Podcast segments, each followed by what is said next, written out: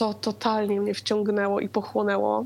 I zauważyłam, że ja po prostu zawsze chcę wychodzić z aparatem, że aparat jest już nieodłącznym elementem mnie i wszystko chcę fotografować na nowo, dokumentować na nowo, ale to było mocno uzależnione od tego, że zaczęłam robić projekt, który faktycznie bardzo mnie poruszył, był, korespondował mocno ze mną.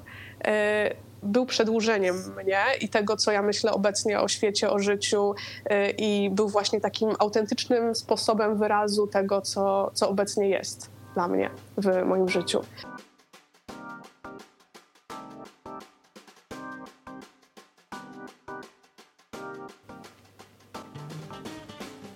Witam Was serdecznie, drodzy słuchacze. Dzisiaj moim gościem będzie znowu osoba zajmująca się fotografią i tym razem będzie to Natalia Miedziak z Konieczna. Natalię zaprosiłem dlatego, że przeprowadzałem wcześniej wywiad z Adamem Mikołajczykiem z pracowni męskich portretów, który zajmuje się, no właśnie, wyłącznie mężczyznami. No i w trakcie tej rozmowy przyszedł mi pomysł do głowy, że właściwie przecież znam kogoś, kto fotografuje praktycznie wyłącznie kobiety i tą osobą jest Natalia, więc dlaczego by nie zapytać jej, jak to jest z tym fotografowaniem kobiet. Zanim przejdziemy do rozmowy, to chciałbym Was oczywiście zaprosić do obserwowania Natalii w mediach społecznościowych. Znajdziecie ją na jej Instagramie miedziak.skonieczna albo na jej stronie internetowej nataliamiedziak pisane. Jak sobie zobaczycie te zdjęcia, będziecie też wiedzieli, o czym rozmawiamy, a szczególnie polecam Wam projekt Ciało Obrazy, o którym będziemy chyba mówić najwięcej.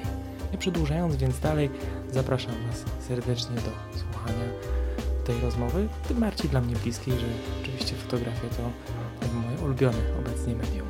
No to miłego słuchania.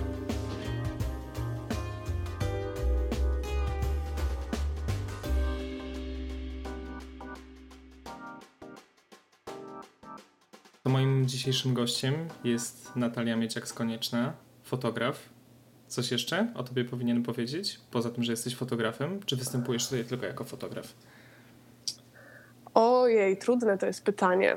Mm, jestem fotografem, jestem. E, jestem fotografem, jestem współwłaścicielem też firmy e, Found Motion, gdzie zajmujemy się produkcją filmową i fotograficzną i w sumie ta producencka część też jest mi bardzo bliska, ale nie wiem, czy nazwałabym siebie producentem, bo to jest tak, tak naprawdę ja, ja jakoś y, poruszam się w bardzo szerokiej skali, sobie testuję różne, różne przestrzenie, więc no myślę, że fotograf to jest jednak najbliższe mi y, określenie. Możemy tak powiedzieć. No dobrze, Natalia, to czy ty jesteś artystką? O, takie pytanie na sam początek. Musi czy być. jestem artystką? Wiesz, to jest takie pytanie. Mm, nie wiem, czy jestem. Y, nie wiem też, może trochę czuję się, ale też pytanie jest, czym jest artysta tak naprawdę i co oznacza być artystą. Y, myślę, że jeśli przyjmiemy, że bycie artystą to jest wyrażanie się twórczo i wyrażanie się poprzez jakieś środki właśnie takiego twórczego, wizualnego na przykład wyrazu, to myślę, że mogę o sobie powiedzieć, że jestem artystką i w tym kontekście czuję się. Ale jeśli przyjmiemy sobie jakieś inne założenie, kim jest artysta, nie wiem. Myślę, że w takiej formie, jeśli chodzi o taką ekspresję twórczą, czuję się, czuję się artystą, ale to takie duże słowo wydaje mi się być. No to jest duże słowo i wiele osób go unika i właśnie mówi, że nie chce być nazywanymi artystami, bo artysta to jest ktoś, kto tworzy wielkie, monumentalne dzieła, które są potem umieszczane w muzeach. Swoją drogą w zeszłym roku robiłem taki mały projekt właśnie, który, który się nazywa Monumenty i to są zdjęcia z londyńskich galerii, na których widać dzieła i ludzi, którzy na te dzieła patrzą. I cały mój koncept polegał na tym, żeby mieć e, e, klatki dokładnie w takim samym rozmiarze, w jakim są, w sensie kadry w dokładnie takim samym rozmiarze, w jakim są te dzieła, żeby mhm. pokazać jakby szerszy kontekst tego, że sztuka nie istnieje bez e, odbiorcy. No i pytanie też, kto decyduje o tym, że te rzeczy są w galeriach, a kto decyduje o tym, że inne rzeczy w tych galeriach nie są. I kto decyduje mhm. o tym, mhm. kto jest artystą. Więc może to my powinniśmy decydować o tym, czy jesteśmy artystami, czy nie. No właśnie też pytanie, czy można być artystą bez y, publikacji swoich prac. Z mojej perspektywy tak, bo y, ja na przykład odnajduję y, artyzm w samym procesie tworzenia i myślę, że samo działanie, które jest twórcze i które y, sprawia, że możemy wyrażać się w inny niż taki tylko werbalny sposób, już jest jakimś takim artystycznym tworem, więc to wszystko zależy też od tego, jakie przyjmiemy sobie definicję na, na bycie artystą. Ale to już tak skoro myślę. jesteśmy przy tym, to należałoby, wydaje mi się, sobie zadać pytanie, e, czy publikowanie do szuflady, czy tworzenie do szuflady nie będzie nas bardziej frustrować niż cieszyć. Z tego względu, że jednak mimo wszystko to, co tworzymy, zostaje przetworzone też przez odbiorcę. To nie jest jednostronny komunikat. Jakby tworząc coś, co teoretycznie ma nas przeżyć. Nie pamiętam, kto to powiedział, że nie chodzi o to, żeby żyć wiecznie, tylko o to, żeby stworzyć coś, co będzie. Natomiast jeżeli tworzymy coś, wyrażamy w sposób, y, w jakiś sposób siebie, czy swoje emocje, czy swoje przemyślenia, to to jeszcze nie jest skończony komunikat, dopóki ktoś go nie odbierze. Trochę tak jak z tym drzewem, które upada w lesie, czy ono faktycznie wydaje z siebie dźwięk, jeżeli ktoś się słyszy. Więc jeżeli mhm. publikujemy, znaczy jeżeli produkujemy, może produkcja to też jest złe słowo, ale jeżeli tworzymy tylko i wyłącznie do szuflady, to czy to jest skończone dzieło? To jest pytanie numer jeden. A dwa, czy nie jest to frustrujące, zwłaszcza w świecie, w którym wszyscy starają się pokazać to, co tworzą? Mhm.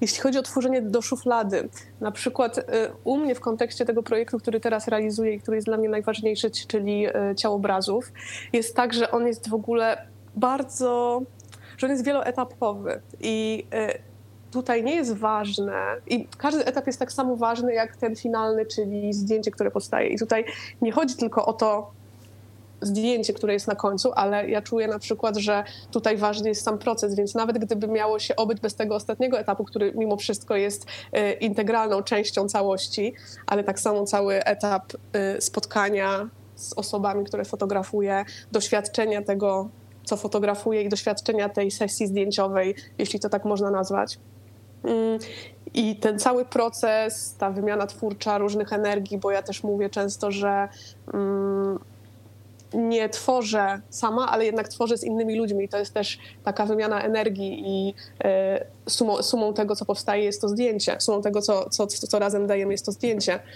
E, więc e, tutaj myślę, że nie chodzi tylko o ten o ten finalny efekt. Aczkolwiek myślę, że gdybym nie miała możliwości pokazania nikomu moich prac, na pewno byłoby to. Na pewno czułabym jakiś brak, więc y, cieszę się, że mogę je publikować. Cieszę się, że żyjemy akurat w takich czasach, gdzie jest to po prostu łatwe, bo wystarczy jedno kliknięcie i już. Mm. Ale to pewnie też zależy od projektu, bo myślę, że y, bardzo ważny jest sam etap produkcji, właśnie nie może produkcja, ale sam, pro, sam proces powstawania takich, y, takich prac. I, I, jeszcze kontakt z drugim człowiekiem, który tutaj akurat w przypadku tego projektu y, też się wydarza. Ale w moim przypadku lubię publikować.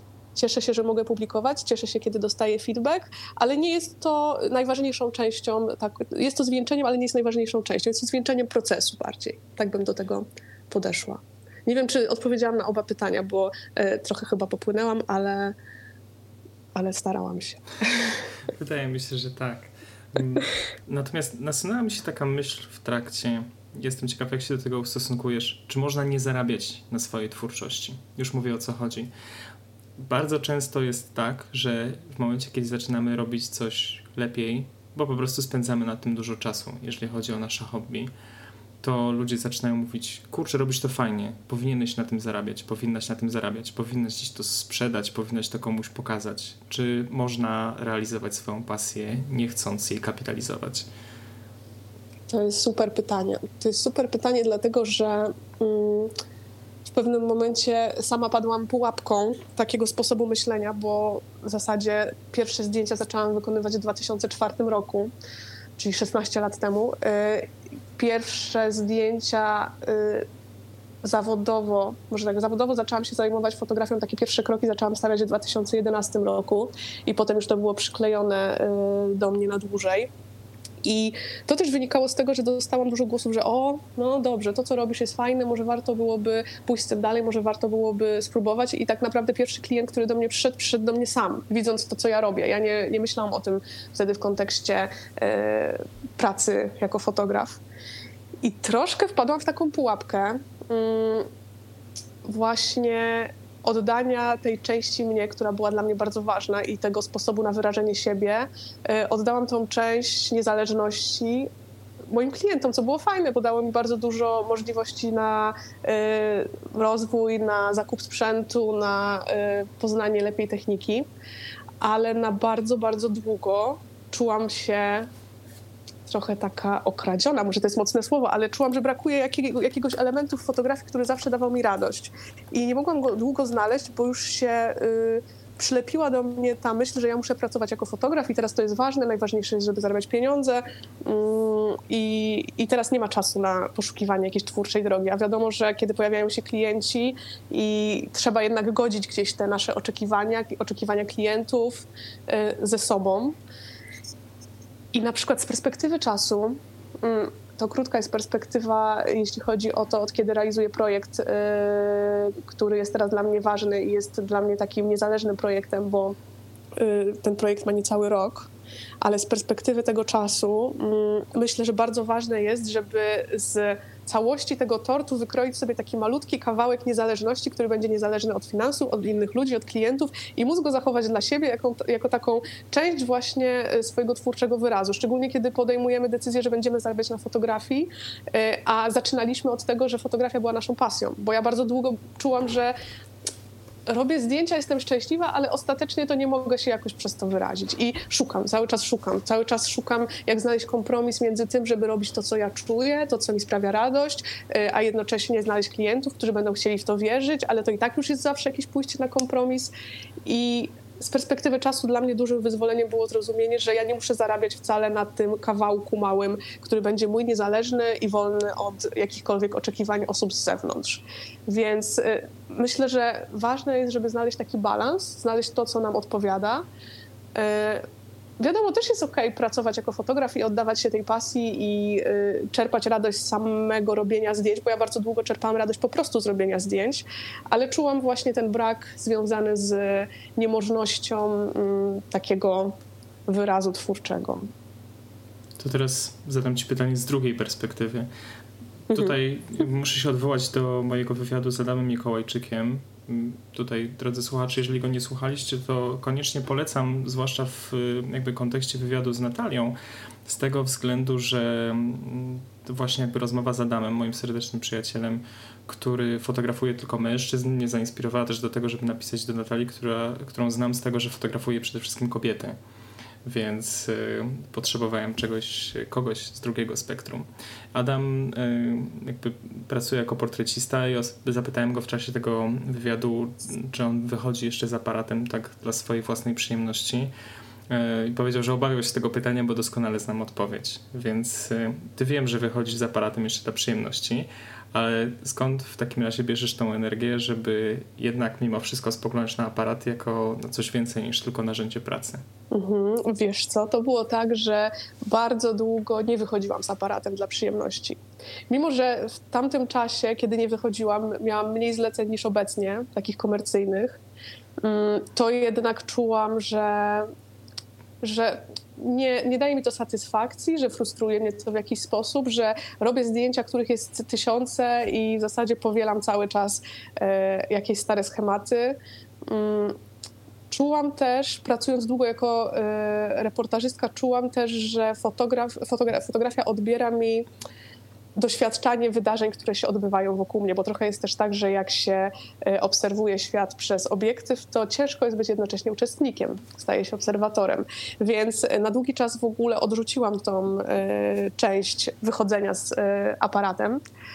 Dużo się zmieniło tak naprawdę w momencie, kiedy y, zaczęłam e, pracować z moim obecnym wspólnikiem Piotrem przy y, Found in Motion, czyli firmie, którą razem tworzymy. I to stało się dla mnie takim pierwszym fundamentem, który, y, który sprawił, że miałam oddzielone te życie twórcze.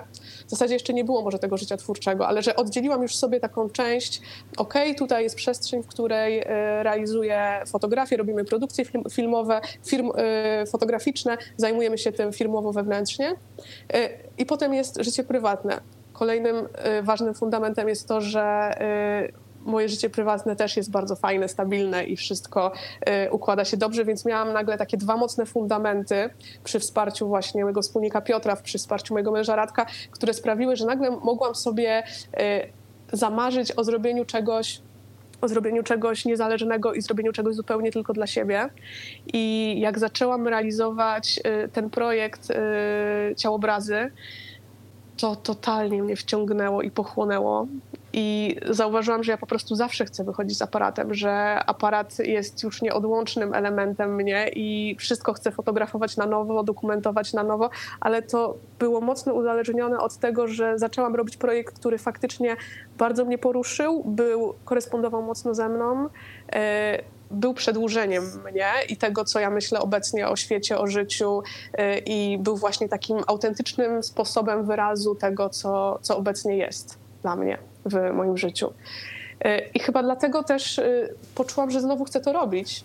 I że nie jest tak, że, e, że miesza mi się praca, miesza mi się zarabianie pieniędzy z fotografią. Więc myślę, że o dziwo to sprawiło, że mimo, że mam więcej zleceń komercyjnych, to to przyspieszyło mój wzrost twórczy i sprawiło, że bardziej, tego, bardziej chcę to robić. Więc wychodzę tak naprawdę dużo częściej i tak, mam, ja mam aparat zawsze przy sobie, chociażby w telefonie, y, ale, ale, ale staram, się, staram się na jakieś większe wypady zabierać ze sobą. Nawet ciężką lustrzankę, którą przeklinałam wielokrotnie za jej wymiary.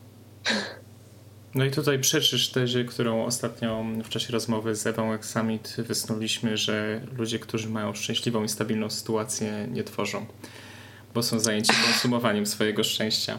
Okropne. No po prostu cała Wiesz... ta teoria poszła za okno.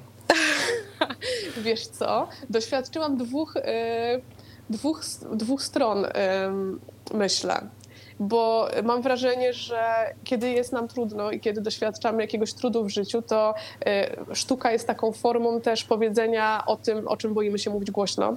I ta ekspresja też jest ważna. Ja też w, takim, w takich momentach bardzo dużo tworzyłam różnych rzeczy, ale często to było takie poszarpane. Brakowało mi takiej pewności w tym, co robię, też takiego zaufania do siebie. I kiedy mamy osoby, które za nami stoją i y, nas wpychają do tego, żebyśmy robili te kroki naprzód i wiemy, że nawet jeśli spadniemy, to pod spodem jest poduszka powietrzna, która nas ochroni, to dużo łatwiej jest podejmować odważne decyzje i robić takie kroki, mm, których baliśmy się do tej pory robić. Więc ja myślę, że obie strony y, warto doświadczyć, ob, obu stron warto doświadczyć i warto zobaczyć, jak to jest, kiedy jest totalnie niestabilnie i wyrażamy się też twórczo. I warto zobaczyć, kiedy jest bardzo stabilnie i też się wyrażamy twórczo. Dla mnie y, te y, przejawy są bardzo różne ale nie wiem, czy jest to tylko takie czarne-białe. Ja myślę, że wszystko zależy od tego, na jakim etapie życia jesteśmy, czego potrzebujemy, jaka jest nasza sztuka, co chcemy powiedzieć, więc nie, nie powiedziałabym, że przeczę całkiem tej tezie pozwolisz jeszcze, że wrócę do, jedną do jednej myśli, którą tutaj mm, zauważyłaś, że kiedy oglądamy świat przez wizję aparatu, czy przez ekran aparatu, czy, czy telefonu, to dystansujemy się do wydarzeń, które obserwujemy. Zresztą to jest y, znane zjawisko, które jest zwłaszcza powszechne wśród ludzi, którzy się zajmują analizowaniem postaw ludzi i gapiów w trakcie wypadków bardzo często jest tak, że ludzie zaczynają nagrywać wypadki, bo dzięki temu obserwują to wszystko na ekranie telefonu. I to jest jak film na YouTubie, że to, to niby się dzieje, ale widzimy to na ekranie, w związku z tym dystansujemy się do tego i to nie jest, to nie jest prawdziwe. Nie pamiętam, jak to zjawisko się nazywa w psychologii, ale jakby jest ono mocno związane z tym, że coraz mniej osób udziela pomocy ofiarom wypadków, bo, a coraz więcej osób to nagrywa, bo w ten sposób chce się od tego zdystansować. I mówię o tym dlatego, że właśnie często jako fotografowie, zwłaszcza jeżeli robimy reportaże, to dystansujemy się do tego, co oglądamy y, i stajemy coraz bardziej z boku. Ja też zauważyłem na pewnym etapie, że używam coraz dłuższych obiektywów, żeby, zwłaszcza w fotografii ulicznej, żeby, żeby być od ludzi, jak naj, od ludzi jak najdalej, żeby nie być częścią takich wydarzeń. A z drugiej strony, jeżeli stajemy się częścią tych wydarzeń, podchodzimy coraz bliżej, to są jakby, to też myślę troszeczkę teraz głośno z perspektywy fotografii ulicznej, która dla mnie jest w gruncie rzeczy najważniejsza, że są jakby dwa zupełnie bieguny tej fotografii ulicznej i zresztą reportażowej w ogóle każdej też. Z jednej strony są fotografowie, którzy właśnie dystansują się od tych wydarzeń i chcą po prostu mm, je udokumentować, nie biorąc w nich udziału, więc stają daleko i fotografują całe sceny, a z drugiej strony są ludzie, którzy podchodzą do ludzi i rozmawiają z nimi i robią portrety anonimowym ludziom na ulicach albo są częścią scen, które się dzieją i na tych kadrach widać, że otoczenie jest świadome istnienia fotografa. Tutaj z kolei trochę moje myśli błądzą w kierunku mm, eksperymentów fizycznych, gdzie jakby pomiar zakłóca wynik eksperymentu. To jest, wiem, w ogóle bardzo daleka myśl, ale w pewnym sensie z fotografią troszeczkę tak jest, że gdyby czasem fotografa nie było w danym miejscu, to ta scena rozegrałaby się zupełnie inaczej. Mhm, mhm, mhm. No to jest w ogóle bardzo ciekawe, co teraz powiedziałeś.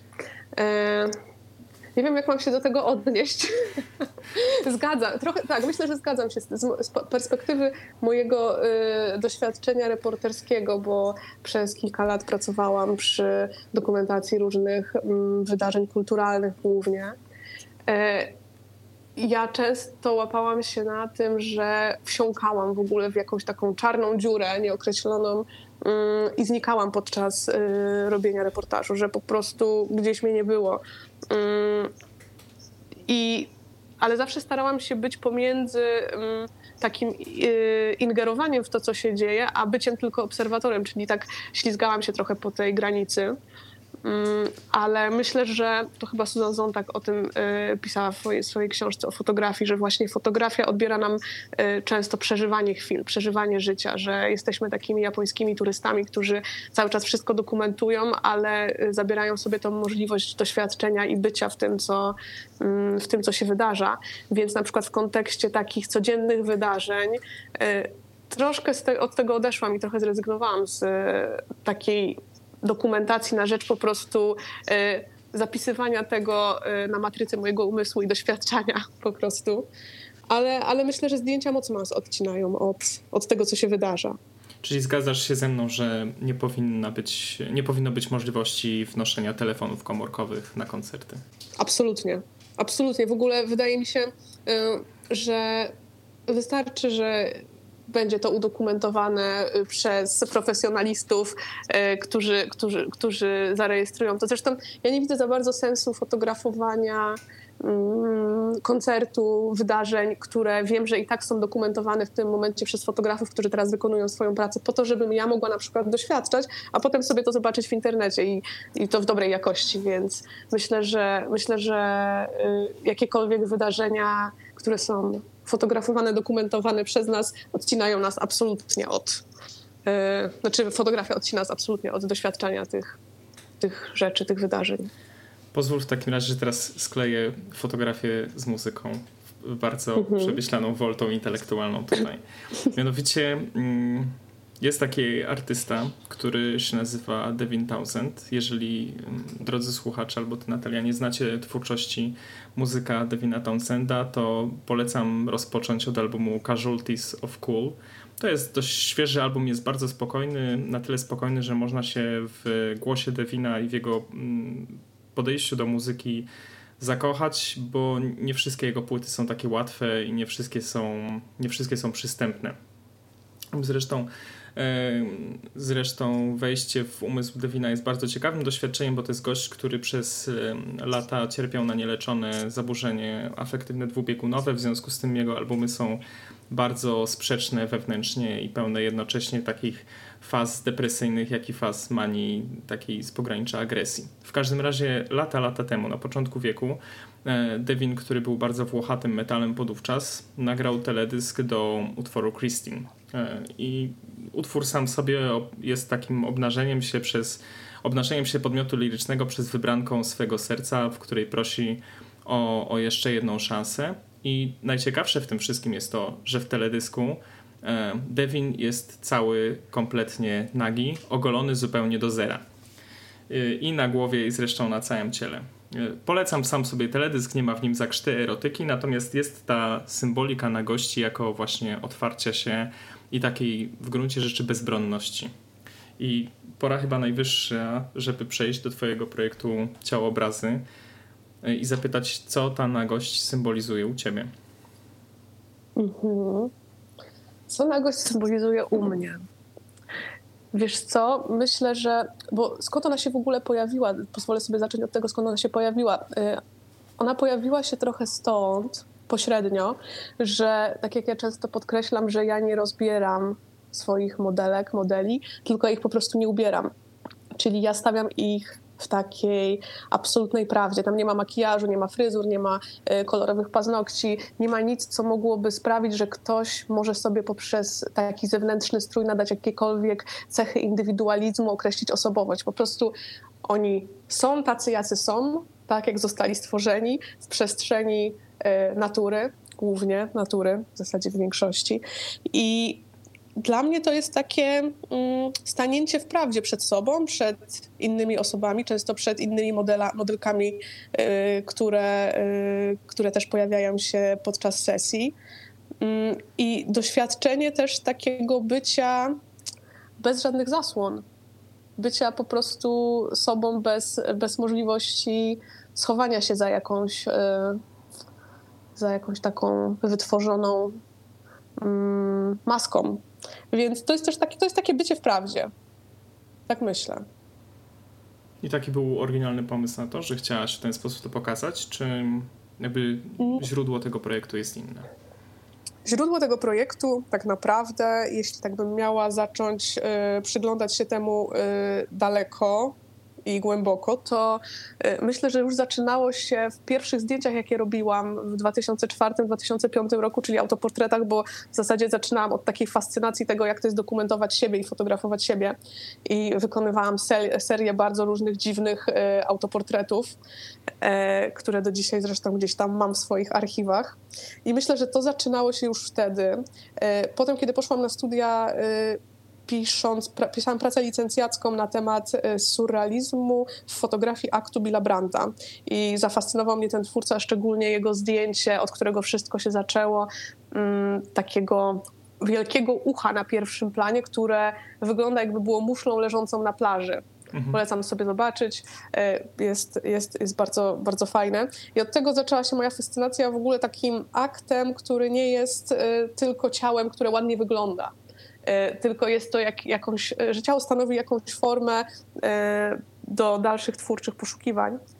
Mm, potem w 2014 roku pisałam pracę magisterską na temat różnych podejść i taką próbę kategoryzacji aktów fotografii w ogóle na przestrzeni lat i przyglądałam się różnym twórcom, którzy, y, którzy realizują akty w, y, w różny sposób. Myślę, że wtedy zaczynały we mnie kiełkować takie ziarenka, że ja bym chciała trochę w taką stronę pójść, ale byłam wtedy bardzo oddana mm, i produkcji filmowej, i fotograficznej, i robieniu zdjęć komercyjnych, i to po prostu i takim poszukiwaniu, co ja tak naprawdę chcę robić. Gdzieś z tyłu głowy cały czas miałam, e, miałam to, że ciało, człowiek, natura to jest to, ale jakoś nie dopuszczałam do siebie tej myśli bardzo długo. E, tak naprawdę w 2017 roku spisałam sobie wstępny koncept projektu, który nazywał się roboczo Powrót do domu i zakładał właśnie fotografowanie ciał, które nie będą, mm, będą, będą właśnie tak. Y pozbawione wszelkich cech indywidualizmu, czyli nie chciałam pokazywać twarzy, raczej nie chciałam, żeby ta nagość była y, taka pełna, tylko ukryta. Y, chciałam, żeby ciało wpisywało się w krajobraz, żeby stanowiło część y, tła, żeby się zlewało z naturą i prowadziło taki swobodny dialog. Mm. I wtedy rozpisałam sobie w 2017 roku taki e, koncept tego projektu, ale nie mogłam do niego podejść w żaden sposób. Cały czas obiecywałam sobie, że może tej wiosny już zacznę, e, ale za każdym razem, kiedy e, planowałam, żeby zabrać się za jakieś zdjęcia, to znajdowałam wymówki pod tytułem nie mam jeszcze wystarczająco dobrych plenerów, nikt mi nie zaufa, nie mam czasu, muszę się skupić na pracy i zarabiać pieniądze, więc robię teraz zdjęcia takie i tak dalej, i tak dalej. I dopiero w lipcu 2019 roku, czyli niecały rok temu, kiedy opowiadałam e, mojej znajomej Agnieszce, e, robiąc jej zresztą wtedy też zdjęcia sportowe, bo, bo y, skłaniałam się mocno, żeby e, fotografować e, osoby związane ze sportem i głównie sesje sportowe. Powiedziałam jej o tym projekcie, bardziej tak przy okazji, mówiąc, że no mam takie marzenie, kiedyś je zrealizuję. Ona wtedy mówi, no to to co, to ustalamy jakąś datę? Mówię, tak naprawdę chcesz iść ze mną do lasu o 5 rano na Golasa? Ona mówi, no ustalmy jakąś datę, spotkajmy się. Ja mówię, no dobra. I ustaliliśmy jakąś datę, która y, była na parę tygodni do przodu zaplanowana, ale kiedy zbliżał się ten termin, czułam, że coraz bardziej chcę to odwołać i y, wszystkie znaki na niebie i ziemi mówiły mi, że nie, to na pewno nie jest dobry pomysł. Wtedy nie byłam najlepsza w słuchaniu swojej intuicji i podążaniu y, za nią nawet w przeddzień sesji pamiętam, że padał deszcz i wiedziałam już, że będą komary w tym lesie bielańskim, bo też wybrałam sobie las bielański w Warszawie, który jest uczęszczany przez biegaczy, zresztą o 5 no rano na to nie wpadłam. Właśnie sobie tak pomyślałem, że to w ogóle nie jest dobre miejsce, żeby się tam rozbierać o 5 rano, bo o 5 rano już na bank ktoś tam biega. Tak, ale jakoś to nie, prze, nie, nie przeraziło nas. I faktycznie umówiłyśmy się z Agnieszką, e, spotkałyśmy się, całą noc padało, więc było strasznie dużo komarów w lesie. Naprawdę to był koszmar. Mm, ale na szczęście trafiłam na osobę, która totalnie mi zaufała. Mam takie szczęście co do ludzi, że po prostu czuję, że za mną stoi dużo osób, które mówią, to jest dobry pomysł, zaufaj sobie, to jest dobry pomysł. A ja tak cały czas myślę, no na pewno. I wtedy powstały pierwsze zdjęcia. Pamiętam, że do momentu, nawet jak zrobiłam pierwsze trzy zdjęcia, to mówię, nie, to nie jest dobry pomysł. Co ja w ogóle wyrabiam? Miałam dużo oczekiwań takich narzuconych y, na siebie, przez siebie, y, że to musi być już coś wyjątkowego, szczególnie, że ten projekt bardzo długo był odkładany w czasie, więc y, wymyśliłam sobie, że to musi być na pewno super. Ale w miarę realizacji tej sesji i, i odkrywaniu, że to w zasadzie jest całkiem przyjemne i, i dobrze się przy tym bawimy, i potem przy oglądaniu efektów i postprodukcji umówiłyśmy się chyba trzy dni później na kolejną. I potem się zaczęła cała lawina w zasadzie, która trwa do dzisiaj, czyli dla mnie nie ma, nie ma tygodnia w zasadzie, w którym nie realizuję y, zdjęć cały czas coś robię. E, wręcz obsesyjnie do tego stopnia, że e, teraz już nie mogę powiedzieć, że fotografuję tylko kobiety, bo jak się zaczęła e, cała ta sytuacja z koronawirusem na świecie, to namówiłam mojego męża, żeby pojechał ze mną do lasu i się rozebrał, bo mówię, że już nie wytrzymam dłużej i muszę po prostu kogoś sfotografować, więc powstały też takie zdjęcia. I to poszło lawinowo. To poszło lawinowo i tak też czuję, że ten projekt przede wszystkim jest. Mm, tym, co ja chcę powiedzieć, i on trochę tak pozwala mi wyrazić e, to, co myślę na różne sposoby poprzez ten, poprzez ten obraz. Właściwie na tym etapie już nie mam więcej pytań, bo odpowiedziałaś tym jednym, e, jednym cięgiem na wszystko, o co chciałem Cię zapytać. E, wow. Rozumiem, że teraz nie musisz nikogo namawiać do tego, żeby poszedł z tobą nago do lasu, y, bo twoje zdjęcia mówią same za siebie i ludzie sami chcą, y, chcą być fotografowani. Jeśli jest ktoś, kogo namawiam, to jestem ja sama zazwyczaj w tym kontekście, że czasem sobie stawiam jakieś wysokie oczekiwania na chwilę, by potem o, tych, o tym zapomnieć, bo myślę, że to jest w ogóle bardzo ważne, żeby, żeby pozbywać się oczekiwań. I na szczęście faktycznie coraz mniej osób muszę namawiać. Czasem namawiam moich przyjaciół, ale y, jeszcze patrzą y, y, na mnie z przymrużeniem oka, którzy już się zdecydowali, więc to też jest bardzo ciekawe i fajne. Ale odnośnie oczekiwań i tego, co powiedziałam, bo też chciałam nawiązać, bo dla mnie też ważne jest to i to, co mnie mocno wyzwoliło i chyba też pomaga mi w fotografowaniu na gości, jest fakt, że zawsze jak z kimś rozmawiam na temat y, sesji zdjęciowej, którą mamy przeprowadzić, to mówię, że słuchaj, nie musisz nic oczekiwać, po prostu spotkajmy się. Ja nie mam żadnych oczekiwań wobec ciebie, bo ja też nie fotografuję profesjonalnych modeli. Ja fotografuję osoby totalnie y, niezwiązane z pozowaniem, co jest dla mnie bardzo ważne, bo y, nie chcę mieć powielonych post na zdjęciach. Interesuje mnie taka prawdziwość ciała i takie bycie, bycie jak najbardziej naturalnym. I też tutaj to moje reporterskie oko myślę, że y, pozostawia swój ślad w ten sposób, że ja staram się być trochę obserwatorem tego i staram się, żeby te zdjęcia wyglądały trochę jak takie podglądanie ludzi, którzy doświadczają przebywania takiego naturalnego przebywania w naturze. Y, tam nie znajdziesz za bardzo osób, które patrzą w obiektyw, raczej nie ma za dużo twarzy widocznych, jeśli już to gdzieś te twarze są bokiem. To jest takie trochę podglądactwo. Trochę, to, to, trochę o mnie mówi, że jestem takim podglądaczem właśnie. Ale nawiązując jeszcze do tych oczekiwań i braku oczekiwań, dla mnie to też było takie bardzo wyzwalające, kiedy zrozumiałam, że te oczekiwania też blokują mnie. I blokują osoby, które namawiam na zdjęcia, bo tak jak mówiłam, to są osoby, które zazwyczaj nie pozowały wcześniej, więc y, mają obawy, że nie wyjdą wystarczająco dobrze, że ich ciało nie jest wystarczająco ok. Y, ja mam obawy, y, że ktoś ma jakieś oczekiwania, że, y, że otrzyma jakieś wspaniałe zdjęcia, a ja może wcale nie jestem takim świetnym fotografem. I zawsze wtedy mówię, że ok, to pozbywamy się żadnych oczekiwań. Nie ma żadnych oczekiwań. Po prostu może być tak, że po prostu się spotkamy, pójdziemy na spacer i nic z tego nie wyjdzie, ale przede wszystkim najważniejsze jest to, że się spotkamy, spędzimy czas razem, pójdziemy na spacer, będzie miło, będziemy chodzić boso po lesie i rozmawiać, a jak znajdziemy jakieś ładne miejsce, to może zrobimy jakieś zdjęcie i ja tak naprawdę kreuję tylko sytuacje i okoliczności, a nie za bardzo same fotografie. I one powstają też trochę tak przez przypadek. I długo się, długo, długo mówiłam, że to, że to może niedobrze, że ja powinnam może być takim twórcą, który wszystko sobie rozrysowuje wcześniej na kartce. A teraz pozwalam sobie, żeby to się działo, że, że spotykamy się i zobaczymy, co się wydarzy. Ja zawsze mówię, zobaczmy, co się wydarzy. Nic nie musi być. Zostawmy oczekiwania na boku. Po prostu niech się dzieje. To wydaje mi się bardzo ważna myśl mm, dla wszystkich ludzi, którzy próbują sobie zrobić jakiś taki projekt tylko i wyłącznie dla siebie. To ostatnio też w swoim programie Dead Pixels opowiadał Zacharias, który mówił, że Y, bardzo długo poszukiwał jakiejś takiej inspiracji dla samego siebie i właśnie spotykał się z ludźmi, informując ich z góry, że nie będzie im robił zdjęć portretowych do portfolio na strony internetowe portretów rodzinnych, tylko po prostu chce się spotykać z ludźmi, którzy w ogóle nie mają nic wspólnego z modelingiem i chce im robić zdjęcie takie, jakie na miejscu wymyśli, że zrobi i będzie te zdjęcie robił wyłącznie, wyłącznie dla siebie.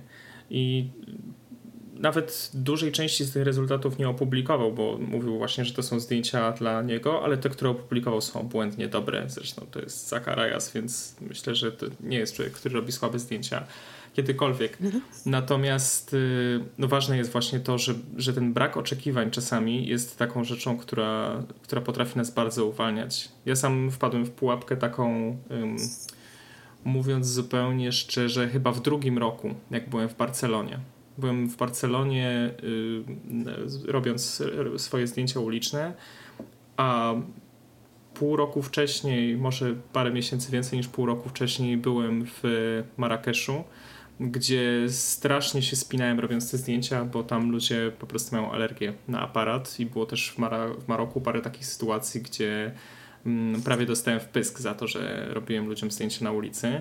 Potem pojechałem do tej Barcelony, mając ze sobą w poprzednim roku partię świetnych zdjęć y, z tego miasta i byłem strasznie spięty tym, że muszę jakby dobić y, do tego poziomu, który miałem w zeszłym roku, to po pierwsze, a po drugie mm, cały czas się obawiam, że ktoś podejdzie i, i, zacznie, zacznie na mnie krzyczeć, czy, czy będzie próbował mi wyrwać aparat, albo zażąda pieniędzy za to, że mu robiłem zdjęcia. Więc te oczekiwania tak naprawdę mnie paraliżowały chyba z tygodnia, który w Barcelonie spędziłem, pierwsze trzy dni to była taka próba ogarnięcia się samemu ze sobą e, i, i dojścia do tego, że ja tak naprawdę robię te zdjęcia przecież dla przyjemności. Robię te zdjęcia dlatego, że ja chcę robić zdjęcia, a nie dlatego, że chcę przebijać siebie samego, bo nie o to w tym wszystkim chodzi. To, to nie jest ten typ projektu.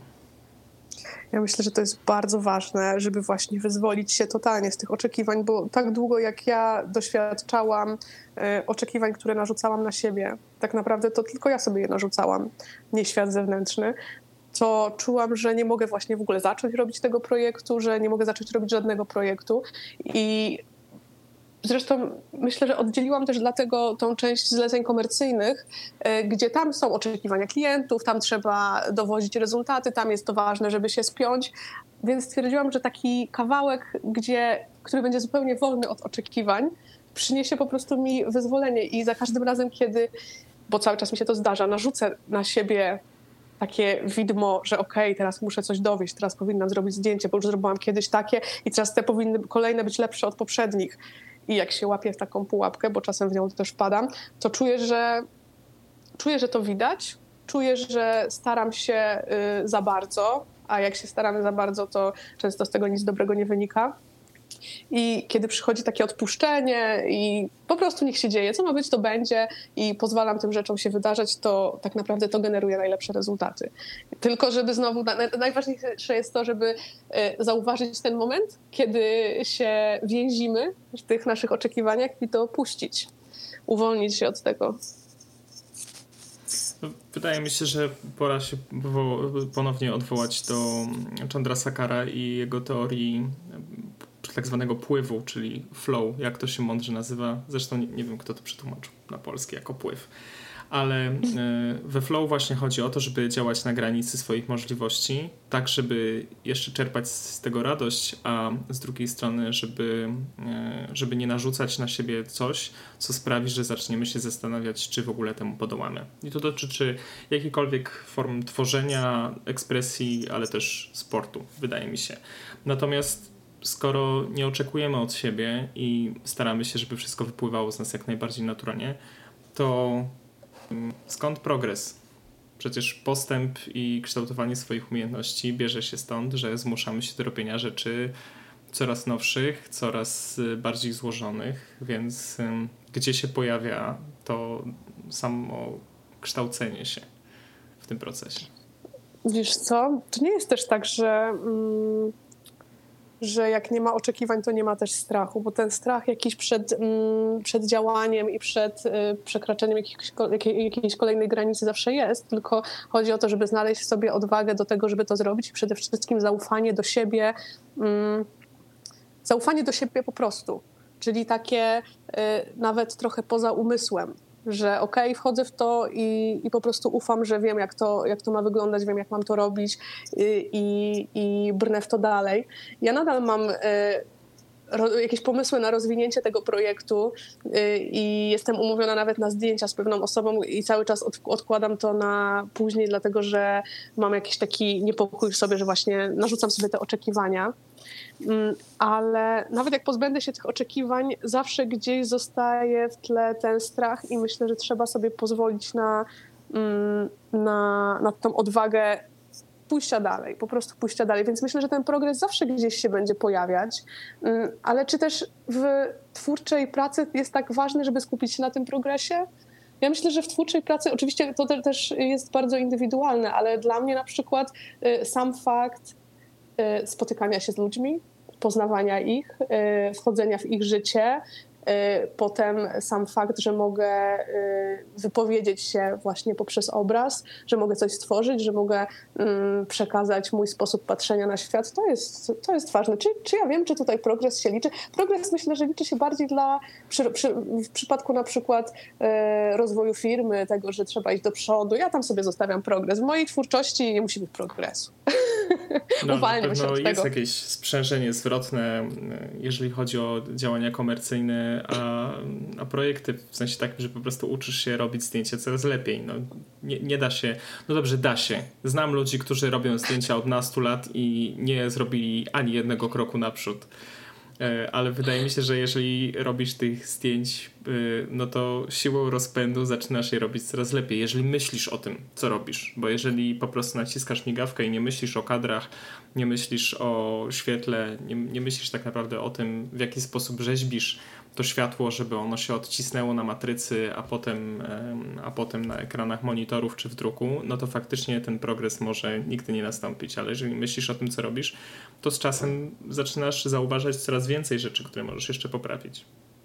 I to jest w ogóle właśnie to, o czym wspomniałam wcześniej, czyli ten taki fundament, który ja akurat zbudowałam sobie y, w firmie i w tym, że ona daje mi takie zaplecze tego rozwoju, ciągłego rozwoju, więc ja już nie muszę martwić się o to, czy w przypadku mojego projektu, czy ja, ja mam progres, czy nie, bo ja po prostu y, w normal, normalnie w tygodniu pracuję i zajmuję się tą fotografią i to mi też daje takie możliwości, że mam dostęp i do sprzętu i do nowinek technicznych i cały czas szlifuję swoje umiejętności, uczę się coraz więcej o świetle, uczę się o tym, jak to powinno wyglądać, żeby było cały czas lepiej i pewnie to ma wpływ na to, co robię później i na pewno w jakiś sposób oddziaływuje, ale też w drugą stronę, bo ta droga twórcza też oddziaływuje na to, że pozwalam sobie czasem y, przełamać w pracy takie granice poprawności czyli takiego y, dostarczania tylko dobrego rezultatu, znaczy takiego perfekcyjnego, czyli że histogram jest idealnie, y, ma idealną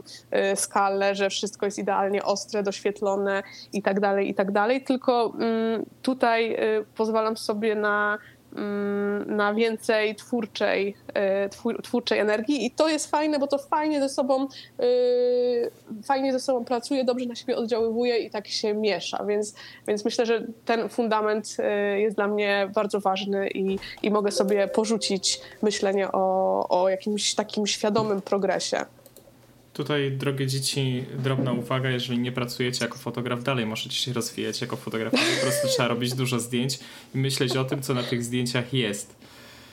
Bo y, też spoglądanie na swoje zdjęcia bezrefleksyjnie i tutaj też jest troszeczkę taka pułapka, jeżeli chodzi o porównywanie się do innych, bo wiadomo, że y, dzięki temu, że patrzymy na cudze zdjęcia, i które nam się podobają, wiemy co możemy u siebie poprawić, żeby się zbliżyć do tego rezultatu. A jeżeli po prostu strzelamy te zdjęcia bezrefleksyjnie i nigdy, nigdy na nie nie spoglądamy i nie myślimy o tym, co poprawić, gdzie poprawić, e, też jestem wielkim wrogiem edycji zdjęć. Po prostu uważam to za zajęcie okropnie nudne yy, i, i za karę. Tak naprawdę to jest kara za robienie zdjęć przez długi czas przynajmniej tak o tym myślałem. Jako kacu, naprawdę, że... O nie! E, ale te, teraz powiem ci, im więcej czasu spędzam na, na edycji zdjęć, tym lepiej, bo, ym, bo patrzę na nie i widzę, co się na nich dzieje w ogóle. Ym, mm-hmm. I mhm. potem, jak już jestem gdzieś na miejscu i robię te zdjęcia, myślę sobie, o, tego mi brakowało, jak edytowałem mm-hmm. gdzieś tam coś wcześniej, więc, no, więc tutaj ja... muszę o tym myśleć. Ja w ogóle bardzo lubię tą, tą, ten element postprodukcji pod warunkiem, że jest równowaga, wiesz, zachowana, że nie masz tak, że tylko siedzisz i postprodukujesz albo tylko robisz zdjęcia y, i trzymasz aparat. Myślę, że fajnie, kiedy to tak przepływa przez siebie i tak można, wiesz, y, poczuć, poczuć, ten, po, poczuć ten balans. Ja osobiście mam taką wręcz obsesję e, i moje modelki dobrze o tym wiedzą, że pierwszą rzeczą, którą robię, kiedy wracam po sesji zdjęciowej do domu, to jest zgranie zdjęć i e, już selekcja, już przeglądanie i czasem po prostu 15 minut po sesji wysyłam pierwsze zdjęcie, na które nie mogę się doczekać. E, więc u mnie to jest tak, tak się czasem obsesyjnie objawia. Ale e, nawiązując jeszcze do tego, od czego zacząłeś, ja bardzo podziwiam takich fotografów, którzy są asertywni i robią tylko swoje projekty i odmawiają jakichkolwiek komercyjnych współprac. I bardzo długo na przykład... To są biedni tak, fotografowie. Często tak, pewnie w większości niestety tak. I ja na przykład często się wymieniałam, że po prostu tak nie, że nie odmawiam, że robię wszystko, że robię śluby, bo robiłam kiedyś śluby, że robię reportaż, że robię biznes, produkty, wszystko w ogóle. Jestem fotografem od wszystkiego i to tak to było takie nieromantyczne i, i, i, czasem przytłaczało mnie, ale z drugiej strony widzę też duże benefity, które z tego płyną. I znowu, nie sądzę, że jest jedna droga, która jest dobra. Myślę, że po prostu dobra droga to jest ta, która nam odpowiada i z tą, którą czujemy się dobrze. I, i myślę, że tym tropem trzeba przede wszystkim pójść. Zgadzam się z Tobą. Należy pozostać wiernym e, samemu sobie. To, to, to wydaje mi się, to jest najważniejsza w ogóle zasada, jeżeli chodzi o jakiekolwiek medium w sztuce. Absolutnie. W pełnym zaufaniu do tego, co się robi, do tego, co się tworzy i, i podążać za tym. Miewasz blokady twórcze, czy jesteś cały czas w takim ciągu tworzenia komercyjnego, niekomercyjnego, projektów dla klientów, projektów dla siebie, że nie masz czasu na, na niechęć do fotografii? Wiesz co, e, zanim rozpoczęłam projekt Ciałobrazy, to chyba miałam 12 lat blokady twórczej. Takie mam wrażenie. Albo w ogóle miałam blokadę twórczą całkowitą. Oczywiście trochę się śmieję, ale to tak się objawiało. Ja cały czas czułam, że ja bardzo chcę coś zrobić, że ja w ogóle bardzo bym chciała fotografować, ale ja nie wiem, co ja chcę fotografować, bo w sumie wszystko mnie interesuje. Ja nie mogę być takim fotografem przecież od wszystkiego. Mm, I cały czas miałam też w głowie, że ja muszę przecież znaleźć jakiś środek złoty na to, żeby zarabiać pieniądze na tym. I, i bo już sobie taką pracę wymyśliłam i nie chciałam tego zmieniać, aczkolwiek szukałam różnych form, yy, dlatego też moje zainteresowanie filmem. I jeśli chodzi o blokady twórcze, aktualnie nie, e, ale mogę powiedzieć to tylko w kontekście niecałego roku, odkąd e, robię ten projekt Ciałobrazy, bo e, jestem mu w 100% poświęcona w wolnym czasie. I nie czuję jeszcze żadnej blokady twórczej. Czasem czuję blokadę twórczą tylko wynikającą ze względu na narzucone przez siebie samą oczekiwania. Jak czasem sobie y, włożę na głowę za dużo, to, to czasem może mam wrażenie, że mnie przyblokuje, ale raczej, raczej obecnie nie doświadczam i, i mam nadzieję, że, że nie doświadczę w najbliższej przyszłości takiej blokady twórczej, aczkolwiek uważam, że one są też bardzo dobre i często wzmacniające, bo y, z perspektywy czasu y, pracy przy jakichś innych projektach, pamiętam, że takie blokady twórcze mimo że rodziły frustrację, to ta frustracja nawet w jakiś sposób przeradzała się w gniew, który jest taką aktywną emocją i takim, takim i przeradzało się to w takie działanie, taką chęć po prostu zrobienia czegoś w końcu. Więc y, myślę, że warto pozwolić sobie na przeprocesowanie tego y, i takiej blokady twórczej. Ona nie jest bez powodu, ona też po coś jest. Musi najpierw być brak, żeby coś mogło w tym miejscu się pojawić. I ja czuję, że u mnie pojawił się bardzo duży brak, który po prostu narastał i to był cały czas co, coraz większa dziura. I teraz ją wypełniam tym projektem, dlatego czuję, że na razie nie grozi mi żadna blokada twórcza, ale jak przyjdzie, to postaram się przekształcić ją w taki sposób, żeby wykorzystać y, ją na, na zgromadzenie nowej energii do kolejnych działań. A dalej jest w tobie taka niepewność, jak ludzie się przed tobą rozbierają w lesie, myślisz sobie, o Boże, teraz trzeba robić zdjęcia, co, co zrobić? Nie, znaczy jedyne co, to to, że czuję się nieswojo, że jestem jedyną ubraną osobą. To jest bardzo dziwne.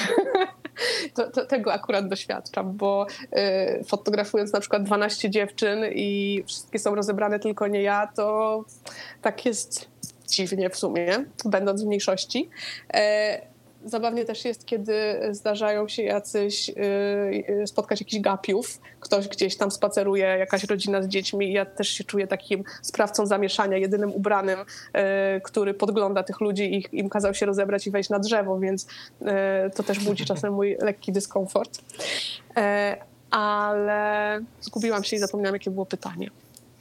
Jakie było pytanie? Czy dalej się denerwujesz, jak ludzie się rozbierają przed tobą? Nie, nie, nie, nie, nie denerwuję się. W ogóle się nie denerwuję w tym kontekście. Raczej to jest, y, raczej mam w sobie dużo ekscytacji, y, cieszę się y, i tak, ekscytuję się bardzo. W taki sposób, że ojej, jak to wygląda wspaniale i jak ja się cieszę, że mogę y, to fotografować. Jestem bardzo wdzięczna mm, za to, co się wydarza i tak mam wtedy taki absolutny stan flow, że podążam za tym, co się dzieje. Nie zastanawiam się za dużo, nawet zapominam o jakichkolwiek technicznych rzeczach.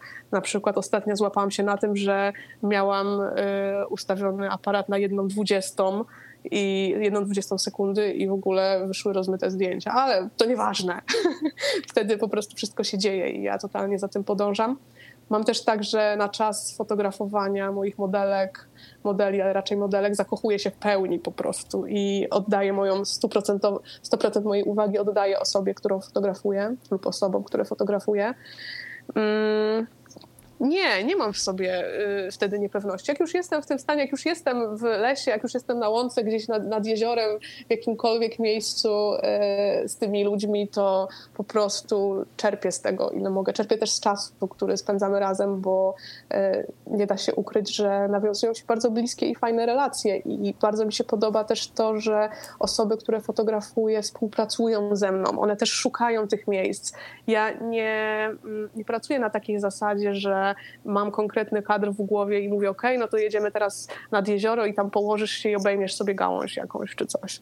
Mm, to raczej się dzieje bardzo spontanicznie i staram się prowadzić moich modeli w taki sposób, że mówię im, proszę poczuj to miejsce, zobacz jak się tu czujesz, czy masz ochotę coś zrobić, y, daj sobie chwilę. Ja staram się być takim trochę obserwatorem, który nakierowuje ich, mm, ale bardzo mi zależy, żeby żeby poprowadzić ich też poprzez to doświadczenie. I to, co jest ciekawe, to to, że często dostaję potem taki, taką informację zwrotną od osób, które fotografuję, że dla nich to było bardzo ważne i było czymś więcej niż tylko y, zdjęciem. Że to zdjęcie tak naprawdę to już jest tylko efekt jakiś uboczny, ale, ale tutaj chodziło też o coś więcej. I dla mnie to ma taką szczególną moc. I dlatego też na początku powiedziałam ci, że nawet jakby to miało, miały być zdjęcia do szuflady, to nie cierpiałabym bardzo z tego powodu. A dlaczego kobiety? No dobra, rozumiem, że teraz Radek padł ofiarą twoją, mówiąc w ten sposób, tak. ale, yy, ale dlaczego kobiety? Znaczy ja wiem dlaczego kobiety. No kobiety generalnie są dużo bardziej estetyczne niż mężczyźni. Tutaj myślę, że w tym przypadku się zgodzimy. Nie? No wiesz co, nie. Ja chętnie pofotografuję mężczyzn. No nie jest tak, że jestem całkowicie tylko kobiety, kobiety, ale myślę, że to jest też związane z e, momentem, w którym akurat e, byłam i jestem w życiu, czyli jakimś takim um, uzdrawianiem relacji z własną kobiecością i poszukiwaniem e, tego w sobie. I um, wcześniej pracowałam bardzo dużo z mężczyznami w zasadzie, kiedy miałam e, do czynienia dużo z filmem, no to jako operatorka, montażystka, potem przy produkcjach filmowych jednak było dużo ciężkiego sprzętu, wszędzie mężczyźni, faceci i e, bardzo dużo pracowałam e, z taką męską energią i nie miałam do czynienia za dużo z dziewczynami. Raczej unikałam nawet takich babskich spotkań, wieczorów. Mm, I w pewnym momencie zaczęło się coś zmieniać. I to było bardzo ciekawe. Trochę świadomie poprowadziłam ten proces, trochę on się zadział przez przypadek. Mm, I i stąd chyba też ta energia taka kobieca się pojawiła. Ja też byłam ciekawa tego, jak to, jak to mnie poprowadzi. Mm, ale nie było to w żaden sposób zamierzone. Ja myślę, że to było na jakimś poziomie mm, podświadomym y, się zadziewało, a potem już poszło dalej. Y, też hmm, dobrze mi się po prostu pracuje z kobietami i to jest taka droga odkrywania, y, odkrywania jakiejś prawdy o sobie i o własnej kobiecości, o akceptacji siebie, akceptacji swojego ciała. Mm, myślę, że myślę, że tkwi w tym wielka moc. Ale nie mówię, że nie będę fotografować mężczyzn, bo zdarzyło mi się jeszcze wcześniej zrobić parę zdjęć, ale jednak nie czuję takiego powiązania. Jeszcze chyba nie umiem tego dobrze nazwać, ale jednak e, jest coś takiego w kobietach, że łatwiej mi się w nich zakochać e, w tym fotograficznym znaczeniu. Rozumiem. W końcu mówi się matka natura. O, właśnie. Może to, może to jest odpowiedź. A powiedz mi, czy ktoś kiedyś dokonał jakiejś takiej dekonstrukcji Twoich ciałoobrazów, o której teraz myślisz? Że ktoś ci powiedział, w jaki sposób je zinterpretował i ty sobie pomyślałaś, o, nie myślałam o tym w ten sposób, ale faktycznie to tutaj jest i teraz starasz się to tworzyć? Hmm, chyba nie. Chętnie bym posłuchała takich dekonstrukcjach. Chyba nie, bo myślę, że to wynika z tego, że ten projekt jest stosunkowo młody, bo ma niecały rok.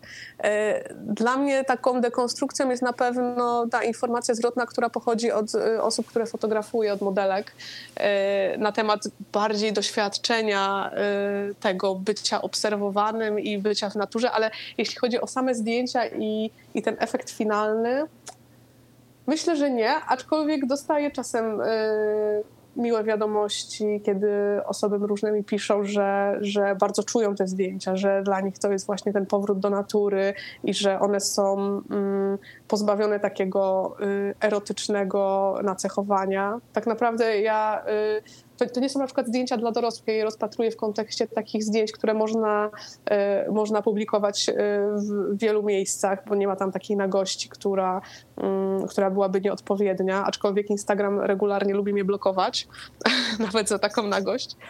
Mm, więc nie, no chyba nie było jeszcze, nie było jeszcze kogoś, kto, kto dokonał jakiejś takiej pełnej analizy tego lub, lub częściowej, ale dostaję dużo, dużo fajnych informacji, że, że te zdjęcia korespondują z ludźmi, że przemawiają do nich, że są dla nich ważne. Myślę, że tak. Tak to wygląda. Póki co. Ale jestem bardzo ciekawa. Jeśli ktoś y, ma ochotę podjąć taką próbę, z przyjemnością posłucham. No powiem ci już, ja się przy twoich zdjęciach zawsze zatrzymuję na dłużej, bo teraz nie zrozum mnie źle, ale to nie są ładne zdjęcia ładnych ludzi w ładnym otoczeniu. E, w sensie chodzi mi o to, że Instagram jest pełen takich zdjęć, zresztą wszystkie social media, poprawnie wykonanych zdjęć z dobrym retuszem, gdzie są piękni modele i piękne modelki w pięknych okolicznościach przyrody. I to wszystko jest sfotografowane przepięknie i jakby chodzi w tym wszystkim o to, żeby gdzieś tam połechtać naszą estetykę i pomyśleć sobie, o Boże, też chciałbym być takim pięknym, nagim człowiekiem w takich pięknych okolicznościach przyrody.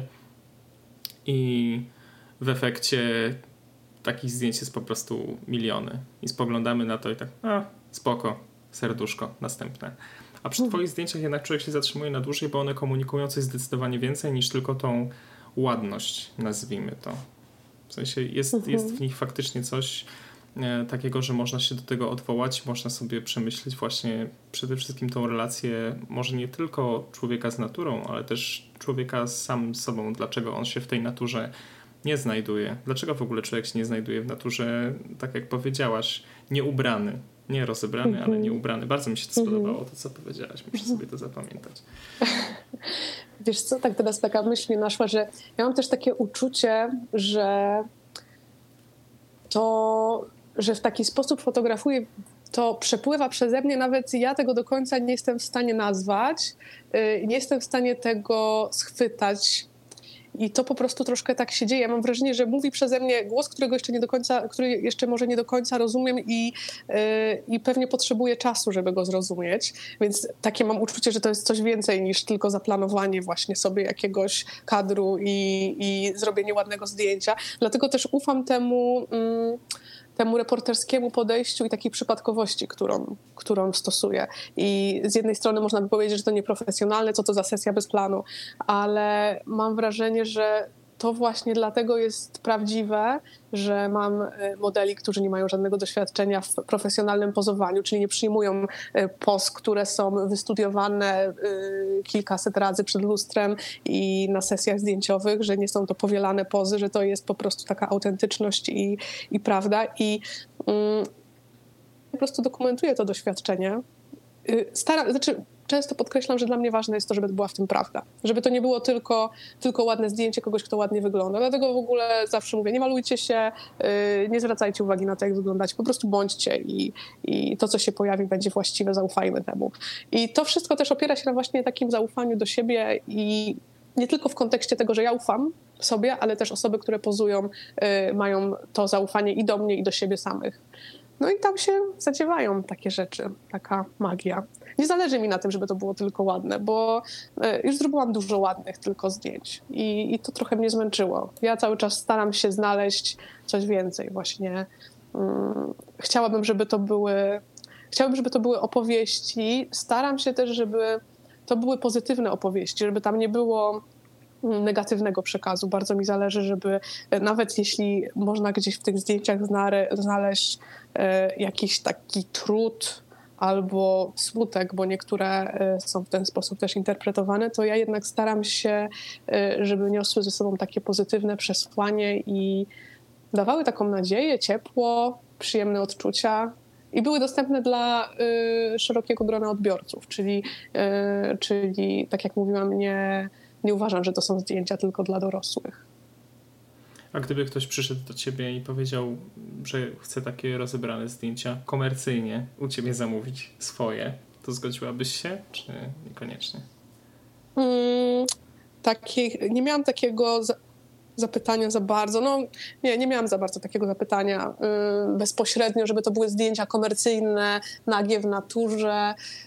Coś tam może się pojawiło parę razy, ale nic nie doszło do skutku. Realizowałam nagą sesję. Yy, w domu, ale to też już było coś zupełnie innego.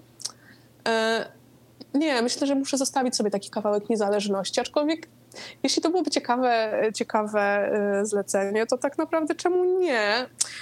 Ale zastanowię się nad tym, jeśli to przyjdzie na tą chwilę. Y, bardzo cenię sobie tą niezależność, jaką daje mi tworzenie tylko dla siebie i zostawienie tego, tej przestrzeni wolnej od y, oczekiwań właśnie innych osób i, i, y, i pieniędzy. Y, jedyną formą, jaką, jaką dopuszczam, to ewentualnie właśnie sprzedaż printów, y, ale, ale to akurat jest niezależne, więc, więc myślę, że no zobaczymy. Jeśli przyjdzie jakaś, jak, jakaś, jakaś ciekawa oferta, zawsze jestem gotowa ją rozpatrzeć. Nigdy nie mówię nie, ale, ale mm, raczej zostawiam tą część dla siebie i, i po prostu jako sposób na mm, twórcze wyrażanie.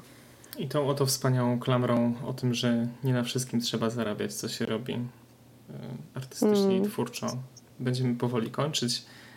Pozwolę sobie jeszcze zadać moje tradycyjne pytanie o polecenie jakiegoś artysty, ale zanim dam ci dojść do głosu, żebyś ty kogoś poleciła, to ja chciałbym polecić w kontekście twoich zdjęć dwie osoby, które mm, hmm, czy robią inne zdjęcia, czy nie. Yy, na pewno są to zdjęcia, które pokazują nagość, która zupełnie nie jest związana z erotyką, tylko jest związana z przeżywaniem, z emocjami, z jakąś taką intymnością przede wszystkim. E, nie zawsze w kontekście z e, naturą, chociaż u Justina tak, ale e, no w każdym razie zobaczcie sobie sami. Pierwszą osobą, którą zdecydowanie polecam jest Justin Rosenberg, którego warto obserwować na Instagramie nie tylko ze względu na to, że wrzuca naprawdę bardzo dobre zdjęcia.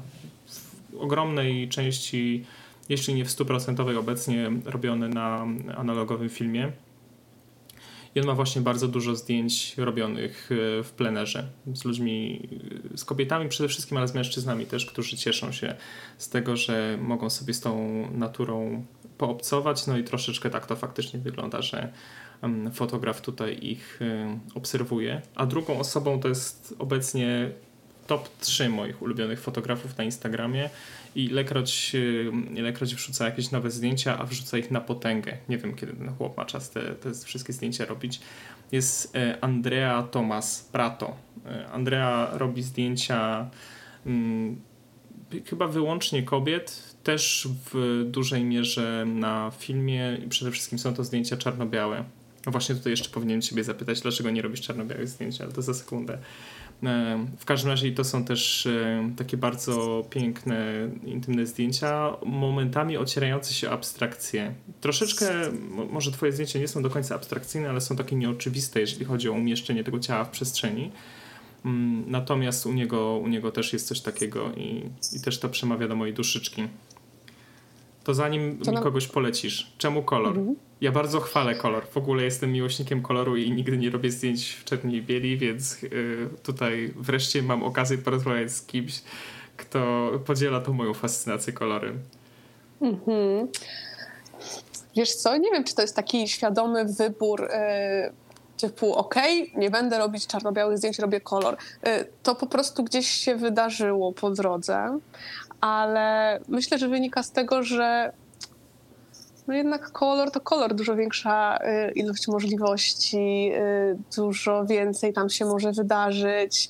Y, ja bardzo lubię kolor ciała, który właśnie współgra z naturą. Lubię też te kolory naturalne, które są na moich zdjęciach i szukam cały czas też nowych sposobów na tą produkcję kolorystyczną. Czasem niektóre zdjęcia robię w czarno-bieli, ale często są po prostu w dwóch wariantach, czyli mam też kolor. Mm, nie wiem, jakoś tak czuję, że, że kolor do mnie przemawia i aktualnie ro, robię w kolorze, nie wiem jak będzie dalej, ale nawiązując do, yy, do artystów, to osoba, która, yy, fotograf, który najbardziej mnie inspirował na pewnym etapie Mm, poszukiwań takich twórczych robi właśnie zdjęcia czarno-białe. I nie wiem, czy dobrze y, wymówię jego nazwisko i imię, bo jest dość skomplikowane, mm, więc ewentualnie mogę przeliterować, ale to jest y, Arno Rafael Minkinen. Y, nie wiem, jak poprawnie powinnam przeczytać to nazwisko, więc mniej więcej tak, tak, się, tak się je pisze. I on robi też zdjęcia takich ciałobrazów, można powiedzieć, czyli e, zdjęcia ciał wpisujących, wpisujących się w naturę i w otoczenie. I on akurat robi wszystko e, czarno-białe. Ja jakoś poczułam, że, że chcę robić kolor i aktualnie robię kolor, ale nie mam na to wystarczającego usprawiedliwienia po prostu. Ranisz teraz moje serce. Myślałem, że dołączysz do mojego stronnictwa ludzi kochających kolor, dlatego że jest po prostu żywy. E, zdecydowanie bardziej. Aczkolwiek o, tak.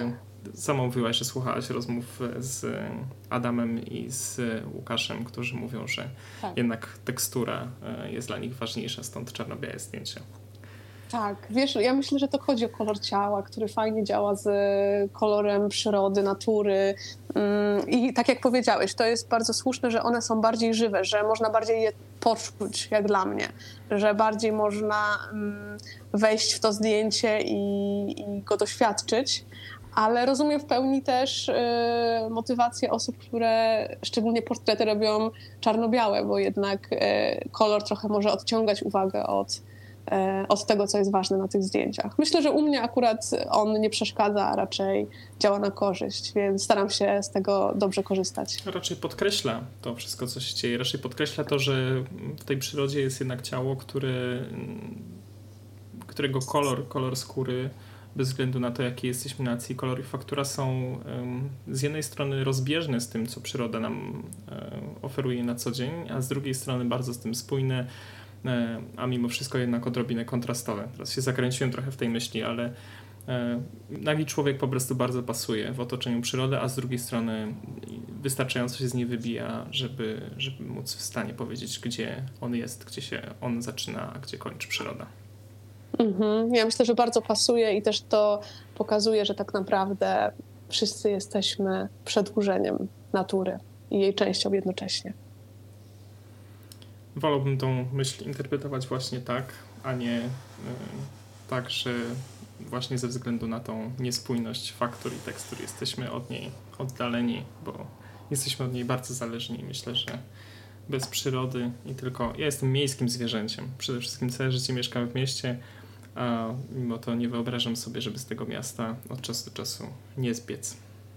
Mhm. Ale ja myślę, że w ciele naszym jest bardzo dużo nawiązań do przyrody i, yy, i możemy się dopatrzeć, że właśnie obserwując swoje ciało, że tak naprawdę jesteśmy właśnie częścią, a nie, że kontrastujemy z naturą. Ja mam takie uczucie, że kontrastujemy bardziej z miastem, tylko yy, tak przyzwyczailiśmy się do tego, że, że żyjemy że żyjemy w mieście. No ja też mieszkam w mieście, jestem w Warszawie od y, kilku lat, ale czuję, że coraz bardziej ciągnie mnie do świeżego powietrza i zielonego koloru i chodzenia boso po trawie, więc nie wiem, gdzie mnie dalej zawieje. I tym optymistycznym akcentem myślę, że zakończymy tą rozmowę. Dziękuję Ci, Natalia, bardzo serdecznie. Super, dziękuję bardzo za zaproszenie. za dalszy rozwój Twojego projektu. Dzięki bardzo. Bardzo miło się rozmawiało.